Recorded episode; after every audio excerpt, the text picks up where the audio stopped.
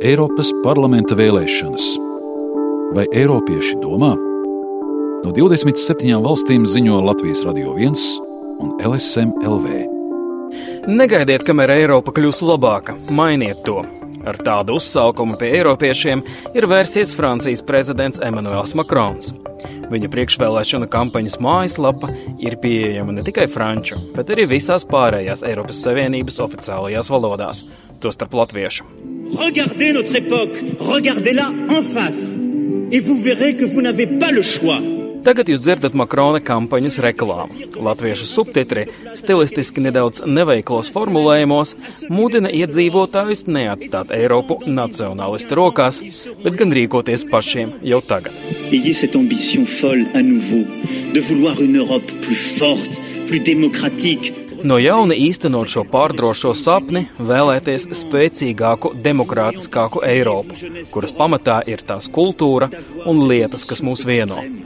Es lūdzu, lai jums, un jo īpaši jums, Eiropas jaunieši, būtu šis drosmīgais sapnis, kas iespējams ir pat nedaudz pārdrošs. alors, je vous le promets, nous réussirons. Mans vārds ir Arčuns Konahaus, un šīs dienas raidījumā īstenības izteiksme es piedāvāju paraudzīties tuvāk uz to, kas notiek Francijā pirms Eiropas parlamenta vēlēšanām un ko var gaidīt no tās prezidenta Emmanuela Makrona ambiciozā priekšvēlēšana pieteikuma. Šobrīd esmu ieradies nelielajā, bet slavenajā Po pilsētā. Tā atrodas Francijas dienvidos, netālu no robežas ar Spāniju. Šīs pilsētiņas moto ir Pireneju vārti. Pilsētiņa ir interesanta ar savu vēsturi. Piemēram, no šejienes ir celies slavenais Francijas karalis Anrī IV. Vai dzirdat atbalsi? Tā nāk no viņa pils iekšpagalma mūriem. Tāpat salīdzinoši blakus ir dzimis arī slavenais literārais varonis Darteņēns no trīs muskatieriem. Un te pilsētas domē strādā arī viena no kandidātēm uz Eiropas parlamentu no Francijas prezidenta Emmanuela Makrona saraksta ar nosaukumu Atzimšana jeb Renesanse. Un tūlīt mēs viņu satiksim. Je suis Laurence Farin, je suis candidate euh, pour les élections européennes. Euh, Lorāns Farēna startē ar 15. numuru no Renesanses saraksta, ko Makrona partija uz priekšu republika ir izveidojusi kopā ar demokrātisko kustību. Ir vērts pieminēt, ka šīs kustības līderis François Bayrou trīs reizes ir kandidējis prezidenta vēlēšanās, un tagad ir Popilsētas mērs. Ferēna strādā kopā ar viņu. L'Europe, pour moi, c'est un idéal parce que c'est le plus beau projet qui soit d'unir des peuples autour d'une idée commune euh, basée autour de la paix. Es uzskatu, ka Eiropa ir stāsts par ideāliem. Mēs esam spējuši nodrošināt mieru Eiropā un arī visaugstākos standartus dažādās jomās, patiesi kontinentālā mērogā. Otrakārt, es jau daudzus gadus darbojos demokrātiskajā kustībā, kas kopā ar prezidenta Makrona partiju veido valdošo vairākumu Francijas parlamentā. Un, kad viņš sāka veidot šo kustību, arī mēs nolēmām to atbalstīt. Farēna ir tikko atgriezusies no brauciena uz Viļņu un Rīgu. Būtībā viņa bija viena no Makronas sūtņiem, jeb emisāriem, jo vizītes mērķis bija tikties ar potenciāliem sadarbības partneriem jaunās politiskās grupas veidošanai Eiropas parlamentā. Rīgā Farēna kopā ar kolēģiem ir runājusi ar trim Latvijas politiķiem. Daniel Spavluts, euh, Andrés Pilbaks, euh, Edouard Smiltens. Ar Danielu Pavļutu, Andriu Piebalgu un Eduardu Smiltēnu. Renesanses kustība vēlas panākt pašreizējā politiskā līdzsvara maiņu un izveidot Eiropas centrisko spēku. Tādēļ mēs jau tagad braucam uz dažādām valstīm un meklējam sev sabiedrotos. Pagaidām gan tā ir tikai taustīšanās. Avec beaucoup d'attention et d'intérêt, Es teiktu, ka Rīgā mūs uzņēma ļoti laipni, ar lielu interesi, uzmanību, pozitīvi un ar lielu atvērtību. Mēs redzējām gatavību runāt par nozīmīgām idejām, nodrošināt viedokļu apmaiņu, bet šobrīd tas ir tikai sākums. Mēs vēl neparakstījām nekādu vienošanos, bet mēs redzējām ieinteresētību un atvērtību šajos jautājumos. Kad 2017. gada vasarā Makrons uzvarēja Francijas prezidenta vēlēšanās, viņš solīja mainīt ne tikai Franciju, bet gan visu Eiropu. Tomēr līdz šim daudzas no viņa drosmīgākajām idejām nav atradušas dzirdīgas ausis pārējo Eiropas Savienības valstu līderu vidū. Un arī Francijā vairākas Makrona reformas ir sastapušās ar dažādiem protestiem un streikiem. Turklāt tagad viņš bieži tiek dēvēts par bagātnieku prezidentu, kurš neizprotot vienkāršo iedzīvotāju rūpes. Tādēļ vaicāju Ferēnai, ko viņa par to domā. Nous avons, en France, nous, a, nous, nous avons traversé une crise sociale aujourd'hui avec cette. euh, Francijā ir bijusi nopietna sociālā krīze, un tās rezultātā izveidojās dzelteno vestu kustība. Tomēr es nepiekrītu tam, ka viņš būtu tikai bagātnieku prezidents. Mums iedzīvotājiem būtu vairāk jāskaidro, jo tā patiešām ir maldīga ideja. Prezidents visai aktīvi ir strādājis arī, lai risinātu sociālos jautājumus. Protams, veidojot ekonomiskās attīstības politiku, mums visu laiku ir jādomā par diviem pretmetiem. No vienas puses, ekonomikai ir vajadzīga brīvība, no otras ir jādomā arī par sociālo aizsardzību.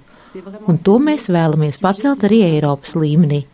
Runājot par sociālajiem priekšlikumiem Eiropas mērogā, viens ļoti konkrēts priekšlikums ir vienota minimālā alga visā Eiropā. Pour que, enfin, il y ait ces nouveaux standards sociaux. Farēna tic, ka Makrona un viņa sabiedroto vīzija patiesi varētu uzrunāt daudzus eiropiešus par spīti nacionālajām un reģionālajām atšķirībām. Tomēr vispirms viņa sarakstam ir jāgūst panākumus Francijas vēlētāju vidū. Šobrīd aptaujas paredz, ka Makrona kustība varētu iegūt aptuveni 25 no 79 Francijai atvēlētajām vietām Eiropas parlamentā. Otru spēcīgāko sarakstu piedāvā Marinas Lipēnas vadītā Nacionālā savienība. Lai labāk saprastu, kādas varētu būt Makrona partijas izredzes, es devos uz netālu esošo Bordo pilsētu. Iepriekšējās Francijas prezidenta vēlēšanās Makrons te ieguva gandrīz 86% balsu. Tā bija viena no viņa spožākajām uzvarām. Bet jau 2018. gada novembrī te aizsākās dzelteno vestu kustības protesti, un Bordo kļuva par vienu no vietām, kur šie protesti norisinās visilgāk. Kas tad ir mainījies? Vai Makrona atbalstītāji jau no viņa ir novērsušies?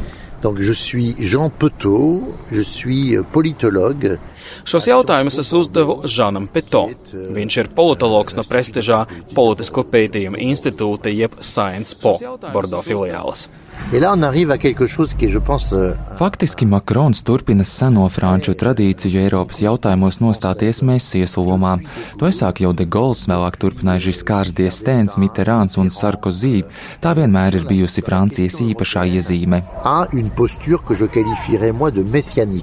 Peto uzskata, ka tā vietā, lai atkal piedāvātu kardinālas Eiropas reformas, Francijas prezidentam šoreiz vajadzēja izrādīt lielāku pazemību. Et donc de, de se poser comme le leader Makrons vēl sevi pasniegt kā vadītāju, kurš ir kā pretmets Orbānam, Kačīnskim un Salvīnī, bet politiski tā ir ārkārtīgi bīstama stratēģija. Viņš pārāk daudz uz sevi uzņemas, un kas būs, ja viņam neizdosies to visu paveikt, tādā gadījumā viņa pozīcijas Francijā tiks pamatīgi iedragātas, tādēļ es baidos, ka viņš spēlē pārāk bīstamu spēli. Sa, sa popularité en France. Vaicāju arī, kādēļ tieši Bordo kļuva par vietu, kur Makrons 2017. gadā guva savu lielāko uzvaru. C'est que la ville de Bordeaux a, depuis à peu près dix ans, Ir mainījusies Bordo pilsētas sociālā struktūra. Pēdējos gados uz Bordo dzīvot ir pārcēlušies tādi cilvēki, ko franču valodā dēvē par bobo, jeb buržuāziju un bohēmu. Līdz ar to Bordo tagad ir pietuvināta Parīzei, kas arī vairumā balsoja par Makronu. Bieži vien tie ir labi izglītoti brīvo profesiju pārstāvji, kuriem ir atšķirīga vērtību struktūra. Politologa Peto pieminētās izmaiņas Bordo iedzīvotāju sastāvā ir daļa no lielākām pārmaiņām, kas pēdējo gadu laikā ir skārušas šo pilsētu un arī citas Francijas metropoles. Ir būtiski pieaugušas gan nekustamā īpašuma cenas, gan arī dzīvokļu īre. Tādēļ arvien vairāk cilvēku ir spiesti pārcelties uz dzīvi piepilsētās un dienu no dienas pavadīt vairāk nekā stundu ceļā uz darbu. Tieši tādēļ Makrona rosinātais vidas nodoklis degvielai pagājušā gada novembrī tik ļoti sadusmoja daudzus francūžus. Un tā arī radās dzelteno vestu kustība. On est vraiment dans l'illustration. Šie cilvēki protestē pret eliti. Izabela Budino ir Jaunakvitānijas reģiona vadītāja vietniece. Bordo ir šī reģiona centrālā pilsēta. Tauta jūtas, ka tā ir pamesta savā vaļā. Viņi redz skaidru sadalījumu - vienkāršā tauta un elite. Elites pārstāvji ir bagāti, viņi var atļauties labu izglītību, labas universitātes, bet kas paliek pārējiem? Viņi mēneša beigās nevar vairs savilkt galus kopā. Dzīve kļūst neiespējama. Tādēļ arī notiek sacelšanās pret eliti un tās lēmumiem. Donc, uh, Politiķi saka, ka lielā mērā Bordo izgaismojās tās pašas problēmas, kā daudzās citās Francijas lielpilsētās. Effectivement, il y a un problème, je crois, qui est d'aménagement du territoire. Būtība ir tajā, kā tiek pārvaldīta teritorija. Līdz šim Francijā nozīmīgākie ieguldījumi ir veikti lielākajos centros. Tādēļ pārējie cilvēki jūtas atstāti novārtā. Lai varētu atļauties īri, viņiem ir jādzīvo ārpus pilsētas, bet darbs paliek pilsētā, jo tur ir vairums uzņēmumu. Piemēram, Parīzē šiem cilvēkiem katru dienu ir jāpavada vairāk nekā stunda sabiedriskajā transportā. Tas pats ir arī braucot ar savu automašīnu. Turklāt braukt ar savu automašīnu ir ārkārtīgi dārgi, un tad vēl šiem cilvēkiem tiek pārmesta vides piesārņošana, un līdz ar to arī veidojas šī milzīgā neapmierinātība. Euh, Rēģējot uz dzelteno vestu protestiem, Makrons devās tikties ar dažādu pašvaldību pārstāvjiem visā valstī. Tajās viņš stundām runāja par problēmām valstī un to, kā viņš vēlas tās risināt. Tomēr Jaunakvitānijas reģiona politiķe Budino, kura nāk no Socialistu partijas, ir skeptiska par šīs prezidenta turnējas panākumiem.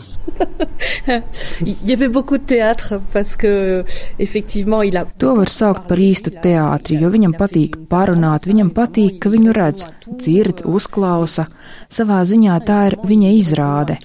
Viņš drīzāk brauc, lai pats kaut ko pateiktu, nevis lai uzklausītu, ko domā vietējie. Ir sestdienas pēcpusdiena, laiks ir pavasarīgi silts un saulains, un es atrodos pie Bordo pilsētas domes. Šis laukums, kas izvietots blokus vecpilsētai, ir kļuvis par centrālo dzelteno vestu protestu vietu. Jau kopš novembra katru sestdienu te pulcējas vairāki tūkstoši protestētāju. Pagaidām gan viss vēl ir mierīgs un kluss. Policija jau ir izvietojusi nožogojumus ap domu sēku, savukārt vairāki veikalu darbinieki pamazām pieliek skaidru plāksnes pie stikla vitrīnām, lai tās aizsargātu. Vietējie saka, ka dzelteno vēstu protestu dēļ sestdienas pēcpusdienās un vakaros Bordo centrs faktiski kļūs par izmirušu pilsētu.